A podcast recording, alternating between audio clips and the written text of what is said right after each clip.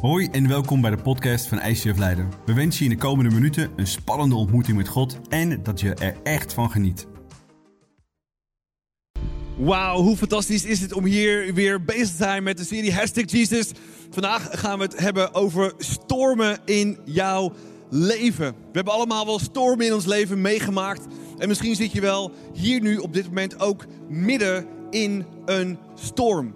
En dan is de grote vraag, hoe ga je met stormen in je leven om?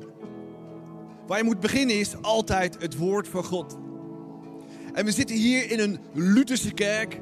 En vanwege Maarten Luther kun je überhaupt de Bijbel in je eigen taal lezen. Tot Maarten Luther was het in het Grieks of Latijn. En de normale mens, die überhaupt al bijna niet kon lezen of schrijven, had geen toegang tot het woord van God. En Luther zei: So goes it not. Hij wilde de Bijbel in onze eigen taal. En wat karakteristiek is voor een Lutherse kerk is dat een kerk altijd een beetje saai is. Het gebouw moet saai zijn en dit gebouw is eigenlijk voor een Lutherse kerk nog een beetje te mooi. En weet je wat centraal stond? De vijf sola's. Waarvan de sola scriptura betekent Gods woord alleen. Het woord van God stond altijd centraal. En als je dan gaat lezen in het woord van God, dan moeten we op zoek gaan naar die verborgen parels. Naar Jezus zelf. En in deze hele serie zijn we op zoek niet Jezus in het Nieuwe Testament, wat is een no-brainer, maar naar Jezus in het Oude Testament. Een tijdje geleden um, was er bij ons zo'n zak chips thuis leeg, weg en leeg in de prullenbak. En wat denk je dan waar alle bewijslast naartoe wijst? Naar mijn vrouw, naar mijn kinderen of naar Ari. Want Ari's favoriete chips is croquis bolognese. En dan kun je er alles aan doen om te zeggen: nee, ik was het niet. Maar alles wijst mijn kant op en alles zegt: ja, pap, u moet echt wel die zak leeggegeten hebben, want u bent van de croquis bolognese. En ja, croquis bolognese is woe, mijn favoriete chips. Is echt. Kijk, het is nu net 11 uur geweest. Nou, ik kan dit zelfs om ochtends om 6 uur doen. Is te lekker. Zeker als het croquis bolognese is. Ladies, even van. Ja, de hele zak, hè? Ja, applausje voor mijn dochter. Alright. Um, we gaan het dus vandaag hebben over God in het, Jezus in het Oude Testament. Nou, als je als kleinkind opgroeit en je leest de kinderbijbel, of voor jullie als ouders, je leest de kinderbijbel voor, dan gaat het heel vaak over God en God en God en God, over engelen, engelen, engelen, God en engelen, God en engelen. En als je niet uitkijkt, dan vraag je jezelf af, waar is Jezus in dit hele verhaal, toch? Nou, ontzettend belangrijk om te weten waar Jezus is in het Oude Testament. En ik wil je vragen, zelf ook voortdurend te zoeken in de Bijbel, waar vind ik Jezus? Zodat je echt grip krijgt op het woord van God, grip krijgt over wat God in je leven wil doen en echt grip krijgt over wat God in jouw leven wil doen. De afgelopen paar weken hebben we een aantal dingen gezien in het Oude Testament. Het eerste is dat een aantal mensen kwamen een mens tegen. Nou, je komt wel eens meer mensen tegen, hè, maar God kwam, deed zich voor als mens. Of als hij spreekt als een God. Of hij maakt beslissingen. Hij heeft autoriteit. En de belangrijkste is de allerlaatste. Die persoon, of die engel van de Heer, liet zich aanbidden. En die is gek. Want engelen worden nooit aanbeden. Waarom niet? Omdat zij weten, er is maar één die aanbeden wordt en dat is God of zijn zoon Jezus, maar nooit een engel. Dus als je het Oude Testament leest en je ziet daar de engel van de Heer, oftewel ik ben, hebben we vorige week gezien en twee weken geleden. En ik ben stamt af van het woord Yahweh. Zijn, ik ben Yahweh. Ik ben God en ik laat mij aanbidden. En er zijn zoveel momenten in het Oude Testament waarin mensen op de knie gingen. Vorige week hebben we het waanzinnige verhaal van Mozes gezien. Hij kwam bij die gekke struik, die stond in brand, maar toch verbrandde hij niet. En wat zei een stem? Je bent hierop heilige grond. En Mozes knielde. Voor wie? Ja, niet meer voor zo iemand, niet meer voor zomaar een engel. Nee, het was God zelf, het was Jezus. In het Oude Testament. En vandaag wil ik je meenemen in waar Jezus nog meer is in het Oude Testament. Eerst een vers uit Openbaring. Er staat, ik ben, wie is dat? Ja, Jezus, de alfa en omega, de eerste en de laatste, het begin en het einde. Nou, als Jezus dus eh, het begin is en het einde is, moet hij er ook ergens tussenin zijn? Ja, dat lijkt mij wel, toch? Je gaat met z'n allen op vakantie, je stapt met z'n allen in de auto, je bent er aan het begin, je stapt met z'n allen uit in Italië uit. Was je dan ook ergens halverwege? Ja, dan mag ik hopen voor je gezin. Oké, dat is dus ontzettend belangrijk. Laten we dat onderstrepen. De eerste en de laatste. En Jezus moet dus ergens tussenin zijn. We lezen in Colossense nog een fantastisch vers waarin we het volgende lezen. In de persoon van Christus, oftewel Jezus, is de onzichtbare God zichtbaar geworden. Hij is als eerstgeborene verheven boven de hele schepping. In Christus is alles in de hemelen en op aarde geschapen. Al het zichtbare en onzichtbare, koningen en wereldheersers, regeringen en andere autoriteiten, inclusief Mark Rutte, ook de BBB. Alles in Christus gemaakt tot zijn eer. Of je het cool vindt of niet, politici, God vindt het cool. Hij was er al, komt hij, voordat er iets bestond. En alles wat bestaat is er dankzij hem. Dus voordat er überhaupt een universum was, voordat er überhaupt een wereld was, was God daar. En belangrijk nog, daar was Jezus. En Gods geest zweefde over de wateren. En pas toen God in de zoon van Jezus sprak, dan pas kan de Heilige Geest iets doen. Dus we zien hier heel duidelijk dat Jezus er was voor de schepping. Maar waar is hij nou in het Nieuwe Testament? sorry, in het Oude Testament als we hem openslaan en willen genieten van wat God daar aan het doen is en wat Jezus uiteindelijk ook doet. Ik wil je meenemen in een verhaal van Jozua. Wie kent het verhaal van Jozua? Ja, het volk van God gaat uiteindelijk uit Egypte vandaan. Uh, doet niet zulke hele coole dingen. Komt er een kleine omweg van 40 jaar. Daar moesten ze mee leven.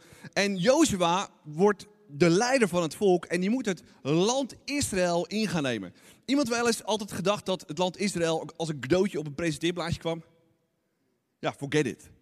als je nog steeds denkt soms, ja God, ik heb dit nodig, ik heb dat nodig, dan gaat God het je vaak geven met een omweg. Waarom?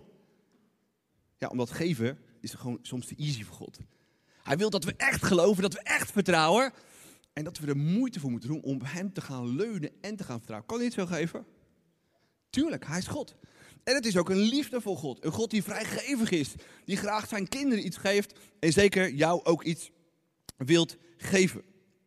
En er is een bijzonder verhaal in het leven van Jozua.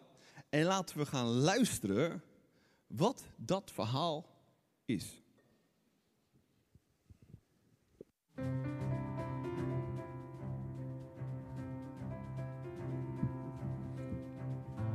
Toen Jozua enige tijd later in de omgeving van Jericho liep, zag hij plotseling een man tegenover zich met een getrokken zwaard in de hand.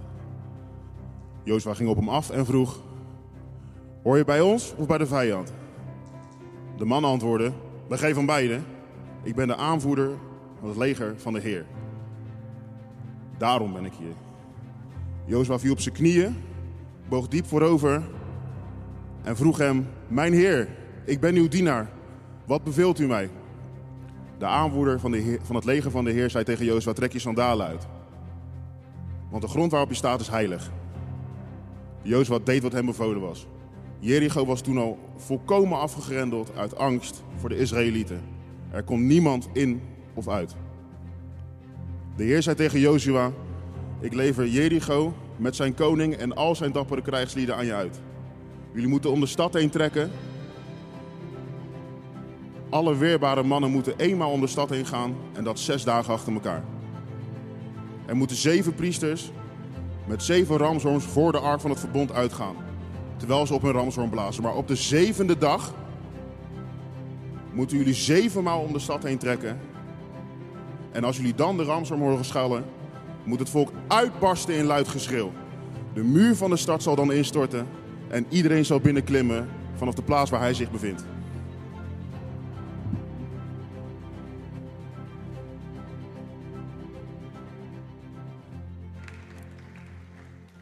Jericho was de storm in het leven van Jozua. Het was niet een leuk dorpje met een klein grachtje eromheen. Nee, het was de stad in die tijd waarvan iedereen wist.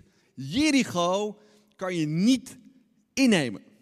En dan komt er zo'n coole God naar je toe en die zegt: Jozua, hey, zullen we samen Jericho innemen? Wat zal dan de eerste gedachten en gevoelens van Jozua zijn geweest? Awesome, easy, relaxed. Of, ja, maar God, uh, dan moet je wel snappen, uh, die stad is echt muren zo dik als... uh, hoe, hoe gaan we dat doen dan? En ik weet niet in welke storm jij zit, in wat er voor jou onmogelijk is en hoe jij daarop reageert.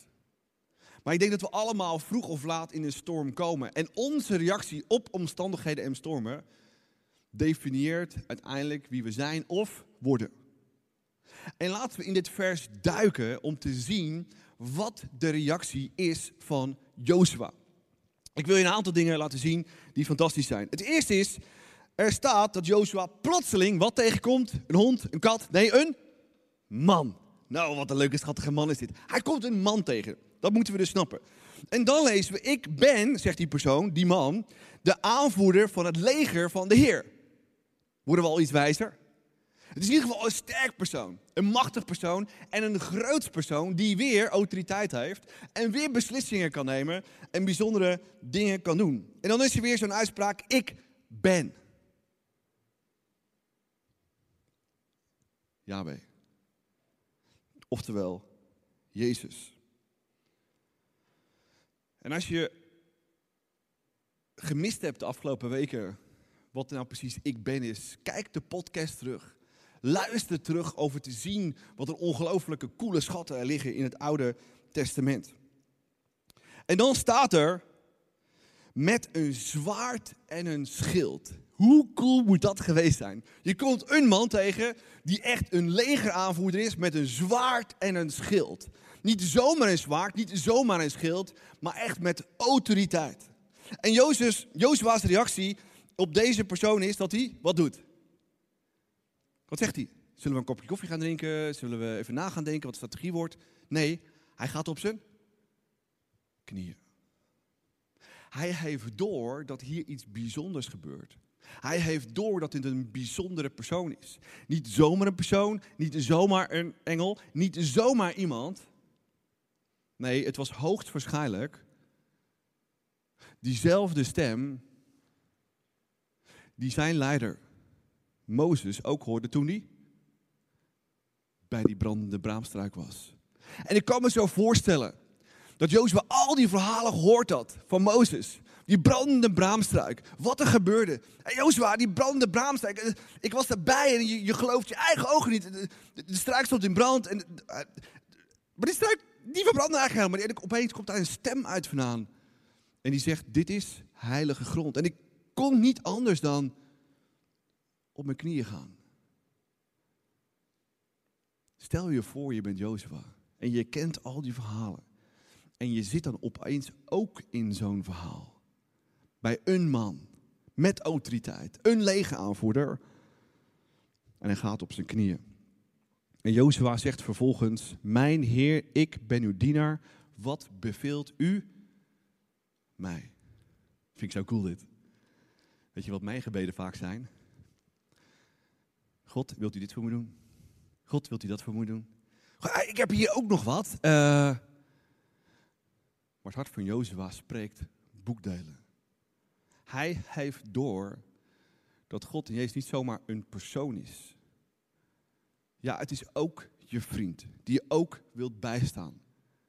maar dat het God almachtig is. En dat als je daar dichtbij bent, dan valt opeens alles weg. En dan zegt Jozua, wat moet ik doen? Zoveelzeggend.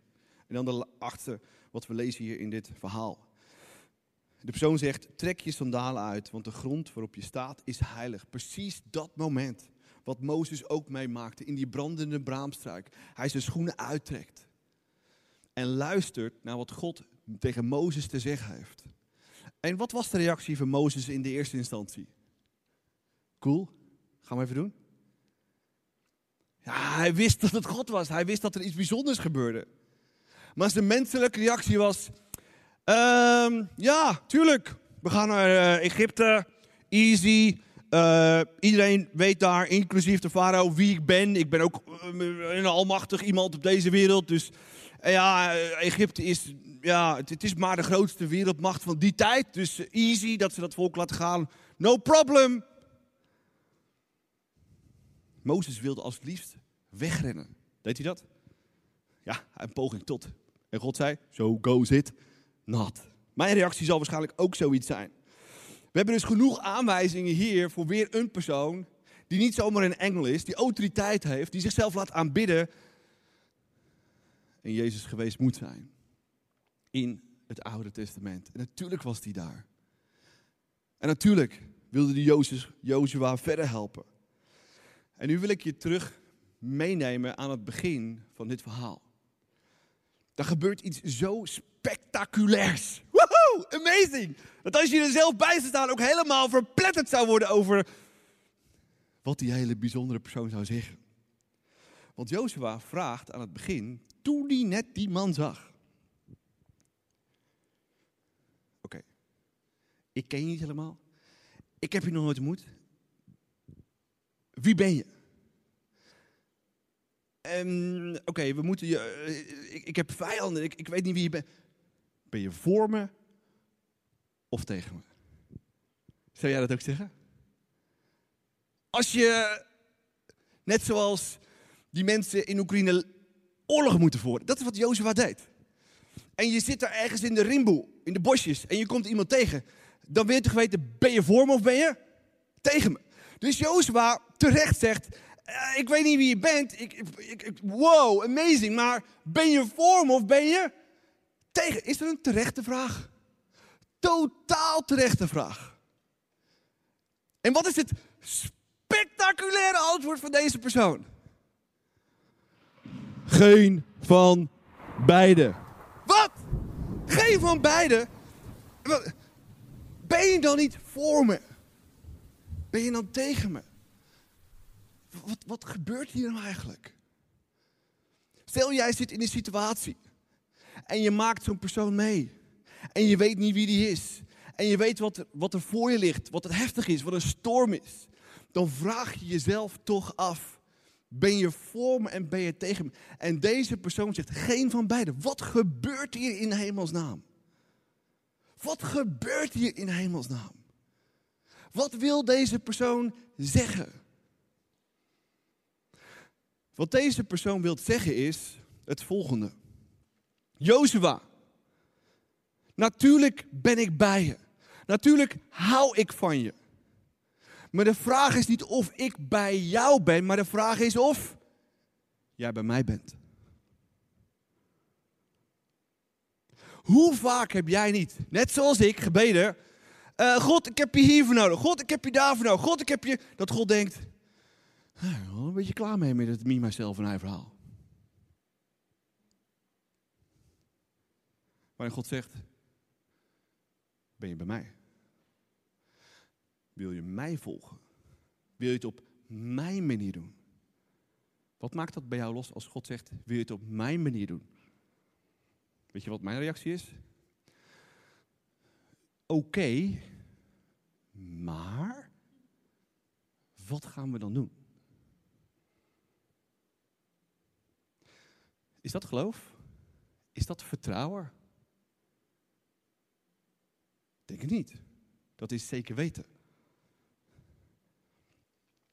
God is maar in één ding geïnteresseerd.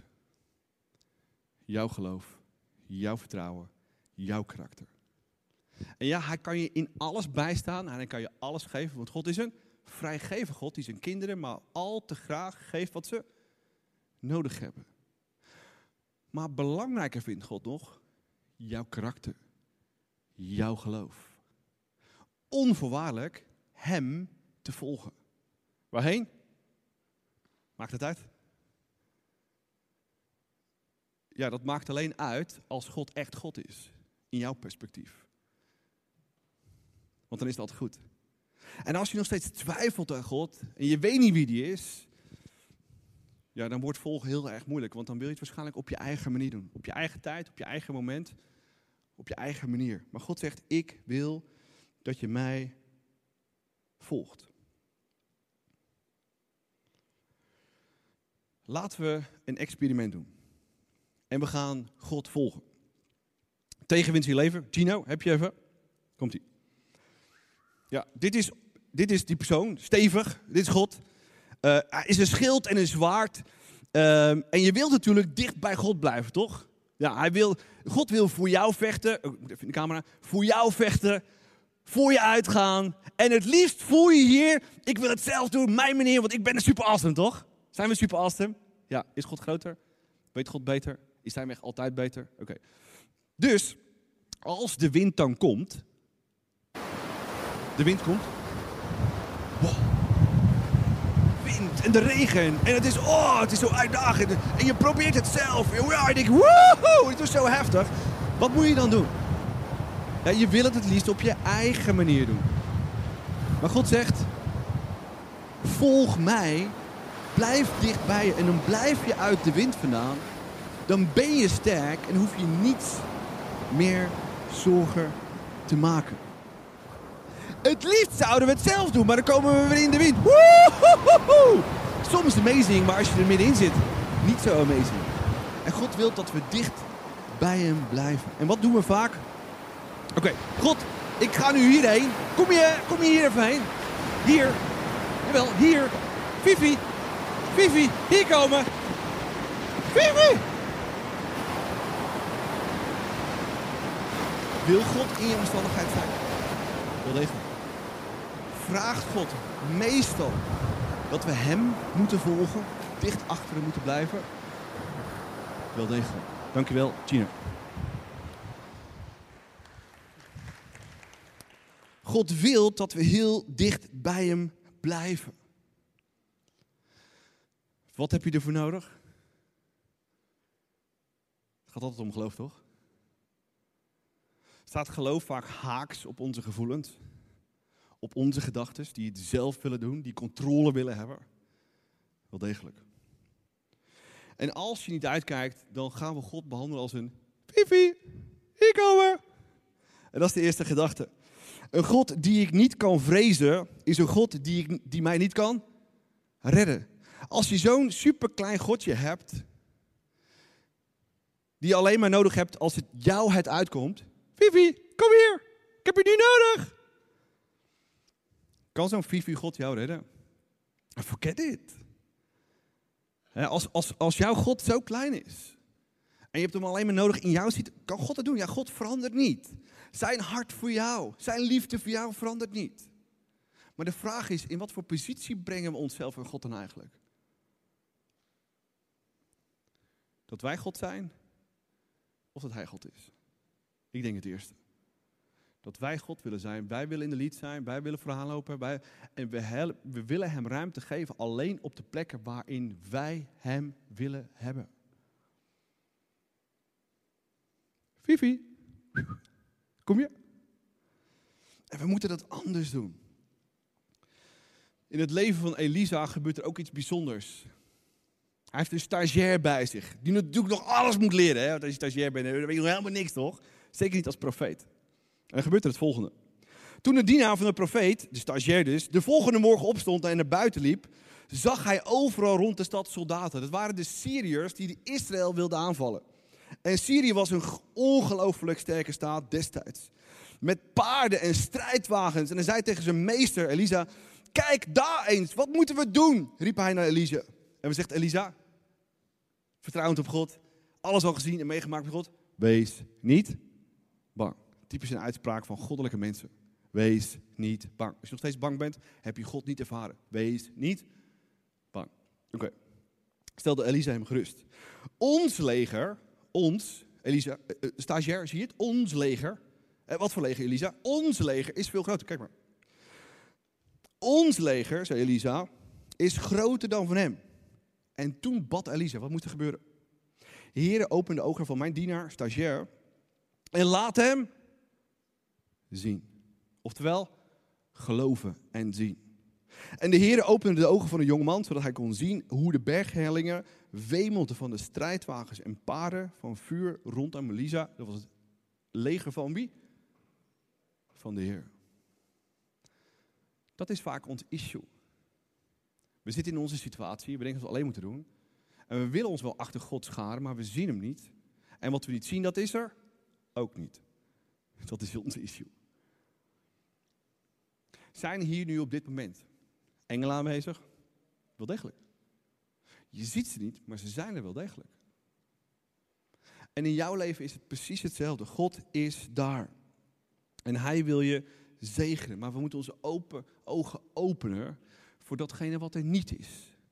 En we moeten tegen God durven zeggen: Ik geloof, u bent bij me, u gaat me leiden, waar dat dan ook heen gaat.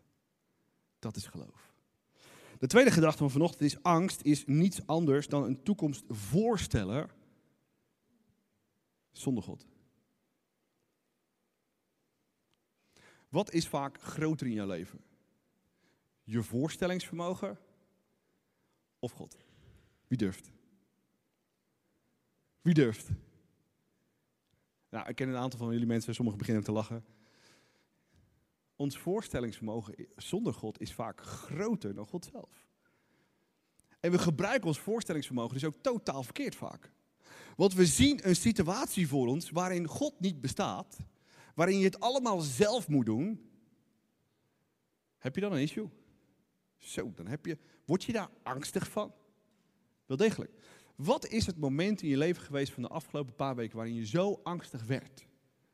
Heb je dan een, een moment genomen om een, om een eigenlijk onbewust je voor te stellen wat er gaat gebeuren zonder God? Wel degelijk. Wat zouden we moeten doen?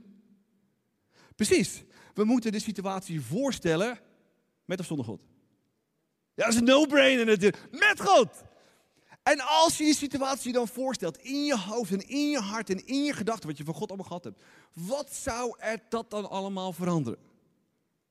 Alles of een klein beetje? Ik denk alles. En denk je, als je daar open voor staat, dat als je tegen God zegt, God, ik stel me een toekomst voor, in die situatie die voor me ligt, met u, dat hij ook hier nu tegen me kan spreken wat de oplossing is. Denk je dat God het kan? Wat houdt hij dan weer tegen? Ja, maar dan wil ik wel weten wat hij gaat zeggen.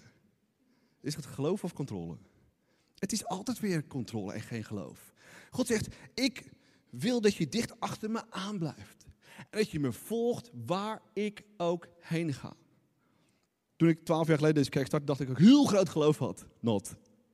Want er waren zoveel mensen. Oké, nu gaan we dit doen, Arie. En nu gaan we dat. En ik dacht, ja, maar dat had ik niet voorgesteld. En als ik er zo over nadenk, word ik daar niet heel vrolijk van. Maar God zegt, ja, maar ik wel. Want als je het samen met mij doet, dat is echt geloof. Zullen we het samen doen? En we moeten het leren samen met God te gaan doen. Het niet alleen te gaan doen. Dus ook te gaan leren hem te vertrouwen in alles. En dus ook angstvrij te gaan leven. Dat is precies wat we willen als kerk. We willen mensen in relatie met Jezus brengen. Zodat ze angstvrij leren leven. Dus met God. Zodat ze een positieve impact hebben op deze wereld. Maar als we nooit ergens geleerd hebben grote dingen te doen achter God aan, dan doen we kleine dingen die in ons perspectief kunnen, waar we niet zo bang voor zijn, toch? God wil dat je God wil grote dingen door je heen doen. Om daar te komen. In jouw leven, door jouw leven, waar hij jou voor gemaakt heeft. Iemand wel eens nagedacht waarom je hier op deze wereld bent? Allemaal. Vroeg of laat. En hoe ouder je wordt, des te meer je erover nadenkt. Zolang je leeft, is God nog lang niet met jou klaar. Om door jou heen zijn koninkrijk te bouwen. en een positieve impact hebben op deze wereld. En alles wat je daarin tegenhoudt, wat mij daarin tegenhoudt, is ongeloof. En een toekomst voorstellen zonder God, wat ons angstig maakt. En God zegt, ik wil maar één ding. Dat je volledig op mij vertrouwt. Dat je achter me aangaat. Waar we ook naartoe gaan. Dat is de joy van een leven met God. Wie houdt er van een wereldreis? Iedereen toch? Je kijkt foto's, je ziet het voor je, je denkt, awesome. Ja, die muggen in de rimboe en die slangen, die willen we eigenlijk eventjes buiten het plaatje houden, maar die zijn er ook, hè? En dat is precies hetzelfde wat God zegt. Een leven met God is als een wereldreis. Waarin je dicht achter hem aan gaat, wat de ene en de andere dag spectaculair is en kan zijn. En soms ook heel boring. Dat God zegt, oké, nu liggen we aan het strand. Ja, maar ik wil wat doen! Ja, maar nu liggen we even aan het strand. Volgende week gaan we weer verder. God wil dat je zo dicht achter hem aangaat. Om die dingen te doen die hij door je heen wilt doen.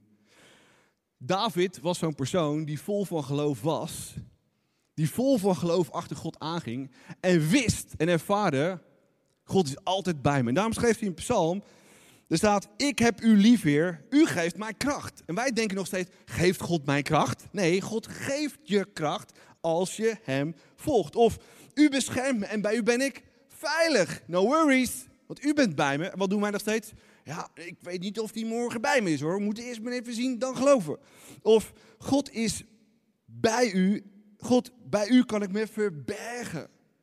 Het wordt zoveel anders als we samen met God leven. U helpt mij en bevrijdt mij. Ook in jouw storm. Uh, ja, maar dan moet ik misschien, ja, hij wil me misschien wel helpen. Ja, misschien hè. Nobody knows. Als ik, laat ik eerst eerst meer naar de kerk gaan, eerst meer mijn Bijbel lezen en dan heel misschien gaat hij mij wel helpen. Is dat een genadegod of een voorwaardegod? Dat is een voorwaardegod. Nou, wij hebben onze voorwaarden omdat wij het weer zelf willen doen. Eerst dit, dan. Nou, je kunt er niet voor zorgen dat God meer van je gaat houden of minder van je gaat houden. Dat hij beter voor je gaat zorgen of minder voor je gaat zorgen. Want God wil altijd voor je zorgen als je het gelooft. Wij willen iets terug doen. En God zegt, so goes it. Het is de God van genade. Je kan niks terug doen. Jezus stierf voor jou aan het kruis. Voorwaardelijk of onvoorwaardelijk? Houdt hij van je, voorwaardelijk of onvoorwaardelijk? Oh, de mensen twijfelen nog steeds. Onvoorwaardelijk. Nog steeds en altijd. Je wil er zoveel voor doen om het zelf beter te maken. Forget it. Ja, maar ik moet toch meer op Jezus gaan lijken? Nee. Wat zeg je nou, Harry? Moet ik me niet... Ja, natuurlijk wil je mee op Jezus gelijk. Maar wie laat de dingen zien in je leven? Jezelf of de Heilige Geest? Gods Geest. Het is altijd Gods Geest. En hoe doet Gods Geest dat dan? Ja, daar. Je moet dat veranderen. Zou je dat zo doen? Nee, dat is de boze. De boze komt, het gaat zoals volgt. Als tiener, ik heb je leven gezien. Je bent een verschrikkelijke moeder. Ach, Joa is een lekker ventje, maar hoe je met hem omgaat, oh my gosh. Drama. Zeker als je moe bent en een paar nachten niet geslapen heeft omdat je huilt. Waarom doe je dat eigenlijk? Doet, het, doet de boos dat er één keer of meerdere keren? Altijd meerdere keren. Aanklagen, aanklagen, aanklagen. Tiener. Als tiener. En jij denkt, oh ja, oh ja, oh ja, oh ja. En als de boos dan meerdere keren komt, oh ja, oh ja, oh ja. Wat zeg jij dan? So goes it not. Wat doet de Heilige Geest altijd als hij op, ergens op iets wil aanspreken om meer op Jezus te gaan lijken? Julie, I love you. Je bent waanzinnig.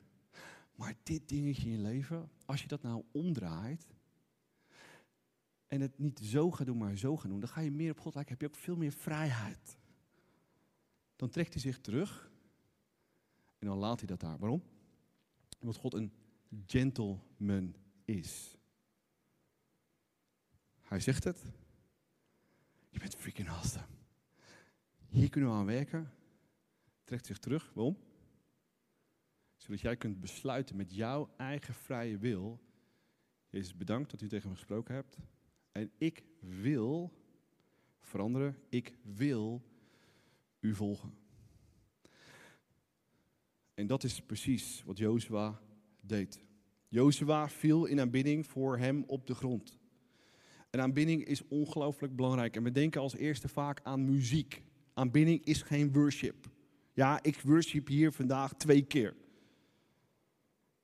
En ik kom hier niet voor de worship. Ik kom ook niet voor die ontzettend leuke mensen op de van de band. Hoe knap ze ook zijn. Hoeveel ik ook van ze hou. Maar als ik worship, dan is dat één groot gebed aan God. En precies dat wil God ook door jou heen doen. Worship is geen gevoel. Worship is op je knieën gaan. God, ik word vanochtend wakker. Ik heb een hele waslijst waar ik u voor nodig heb. Maar als eerste heb ik deze vraag. Wat wilt u dat ik vandaag doe? Als ik hier zondags ben, heb ik maar één vraag aan God. Ik moet straks podium op. Ik heb me goed voorbereid. Ik heb me supergoed voorbereid. Maar wat wilt u vandaag zeggen? Dan wordt alles anders.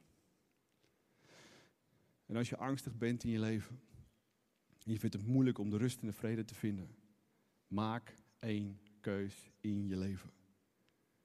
Ik ga, net zoals Jozua, op mijn knieën.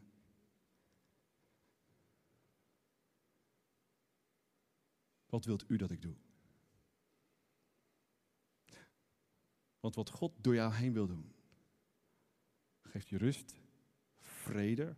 Ja, is soms ook een beetje oncomfortabel, zodat we moeten leren op God te vertrouwen, zodat we minder zorg en minder stress hebben. En dat hij elke keer van level naar hoger, naar level hoger, naar level hoger meeneemt. Zodat je echt Hem gaat vertrouwen. En precies dat is wat God door je wil doen. Gino, kun je nog één keer komen? Ik hoop met heel mijn hart dat je nu Gino niet ziet, maar God. En dat als de wind begint te waaien, of misschien al heftig aan het waaien is in jouw leven, dat misschien alles in je zegt: God, ik heb je hier nodig, want ik wil het op mijn manier. Hier, deze, hier. Dat je durft te zeggen, in jouw storm, in jouw situatie, dat je achter hem durft te gaan staan. Dat je het op Gods manier wil doen en dat je maar één vraag durft te stellen. God, wat wilt u dat ik doe? En dat je veilig voelt achter hem. Uit de wind. Zonder stress, zonder zorgen. Maar met één gevoel. God gaat voor mij uit. Hij is bij me. En dat is het enige wat telt. Waar hij gaat, daar ga ik ook heen.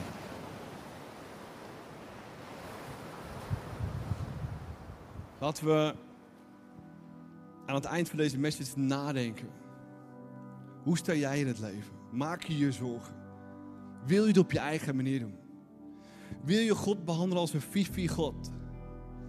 Of wil je ergens de keus maken? God, u bent zo groot. U maakt het universum. U maakt de hemel. U maakte de aarde. U maakte mij. En misschien wil je wel op je knieën gaan.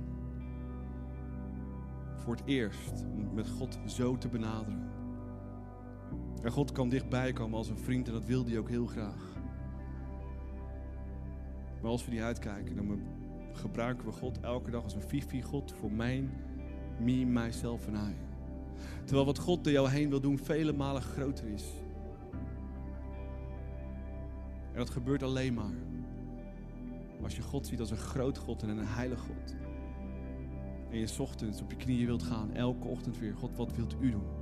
Door mij heen. Uw kerk is leeg. U wilt het veranderen. Zeg me wat ik wil doen. Mijn vrienden kennen u niet. Zeg me wat ik moet doen om hen in relatie met u te brengen. Mijn kerk heeft hulp nodig. Zeg me wat ik kan, kan doen. Want het is uw kerk en het is uw lichaam. Laten we nadenken en reflecteren.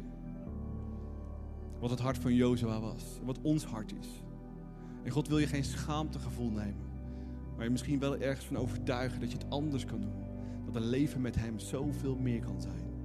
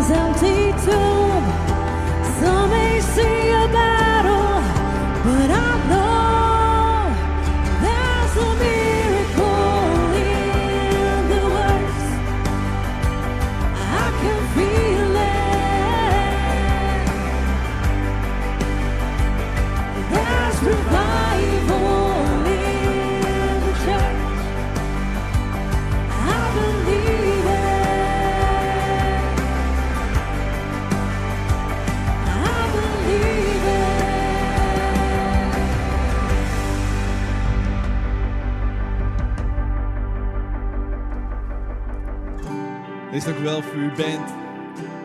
Dank u wel voor uw liefde en uw trouw. Dank u wel voor alles wat u deed in het Nieuwe Testament. Waarin we u zo dichtbij zagen. Dat u naar deze wereld kwam. Dat u als eerste een team wilde hebben. En samen wilde werken met mensen. Waarin we uw hart zagen. Waarin u wonder na wonder na wonder deed. Omdat u een vrijgever God bent. Mensen verder wilt helpen. Maar u wilt veel dieper gaan dan het wonder alleen. U wilt dat we u volgen.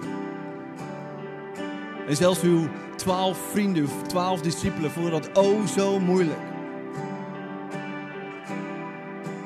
Maar uiteindelijk gingen ze allemaal op één naam overstag. Om u onvoorwaardelijk te volgen. Want als we u zoeken, vinden we u. En als we met u op stap gaan, ervaren wie u werkelijk bent. En zullen we ergens veranderen. Van een persoon die u behandelt als een fifi-god. Me, myself en hij. Naar een persoon die echt volledig op God en Jezus wilt vertrouwen. En tegen u wilt zeggen, hier ben ik. Dit is mijn leven. Doe ermee wat u wilt doen. U gaf uw leven onvoorwaardelijk aan mij. U kocht mij vrij. U maakte mij vrij. En overspoelt mij met liefde. Onvoorwaardelijk. Aan het kruis met uw armen wijd open. Maar dat is niet waar het verhaal stopte. U stond op uit de dood na drie dagen. Uw kracht is oneindig. En op die kracht willen we vertrouwen. Op u willen we vertrouwen. Dat u dat bent, dat u dat kunt. En dat u in onze situaties, mijn situatie kan veranderen. En we willen het liefst mijn en onze situatie veranderen op onze manier. Wat voor ons goed voelt, wat voor ons zeker voelt. Maar we willen het niet op onze manier. We willen het op uw manier. Wij willen niet vooraan, maar ik wil dat u voor mij uitgaat. Ik wil in de schaduw van uw wind, in de luwte, de rest van mijn leven zijn. U gaat voor me uit. En waar u ook heen gaat, is oké. En dat geeft me rust. En dat geeft me vrede. Dat geeft me vrijheid. Want als ik dicht bij u ben en blijf, heb ik alles wat ik nodig heb. En precies dat is wat David ervaren heeft. Koning David, waarvan u zei, een man naar mijn hart. Wij willen ook leren om dicht achter u aan te gaan. Dicht bij u te blijven. De uitdagingen, de stormen aan te gaan op uw manier. En daarin u steeds meer te gaan vertrouwen. Te zien dat u voor ons werkt. Te zien dat u letterlijk muren afbreekt en het onmogelijke mogelijk maakt. En misschien wil je hier nu, op dit moment, jouw storm, jouw muur bij Jezus brengen. En vraag hem om een beeld of om een woord.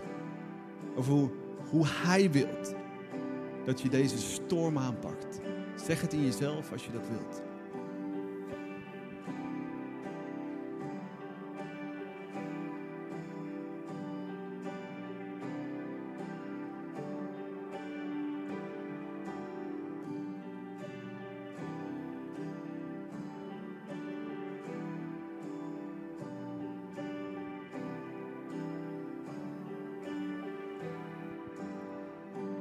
Lees dank wel dat u ons gehoord heeft en dat u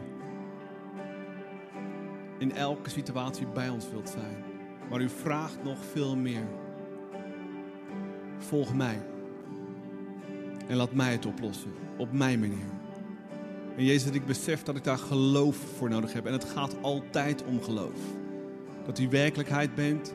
Dat u bestaat. Dat u voor mij gestorven bent. Dat u mij heeft vrijgekocht van mijn schaamte en pijn van het verleden.